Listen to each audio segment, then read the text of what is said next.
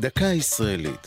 השבוע, לילה, והפעם, תחילת היממה. מלבד עצלנים ומושפעים, רוב האנשים פותחים את יומם בשעות הבוקר. תחילת היום עם שחר היא כנראה התפיסה הטבעית לאדם, באשר הוא בנוי לפעילות בשעות האור. בניגוד למחשבה זו, לפי היהדות, היום מתחיל בלילה. כך, בתחילת התנ"ך, בספר בראשית, מתוארים ששת ימי הבריאה, ובסוף כל יום בא הסיכום. ויהי ערב ויהי בוקר יום אחד. וכך, בהמשך, יום שני, שלישי והלאה.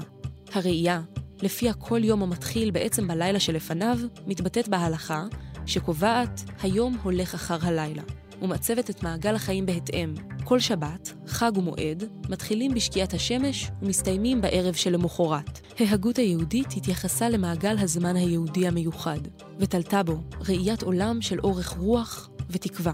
גלגולי ההיסטוריה היהודית מתחילים בחושך, אך עתידם באור. הרעיון מתבטא באופן נוקב גם במועדיה הלאומיים של ישראל. כך למשל, יום הזיכרון לחללי צה"ל מתחיל בערב, לפי התאריך העברי, ומסתיים כעבור יממה, במעבר המורכב לחגיגות העצמאות. זו הייתה דקה ישראלית על לילה ותחילת היממה. כתב חיים גלעדי, ייעוץ הרב יעקב יקיר, הגישה ענבר פייבל.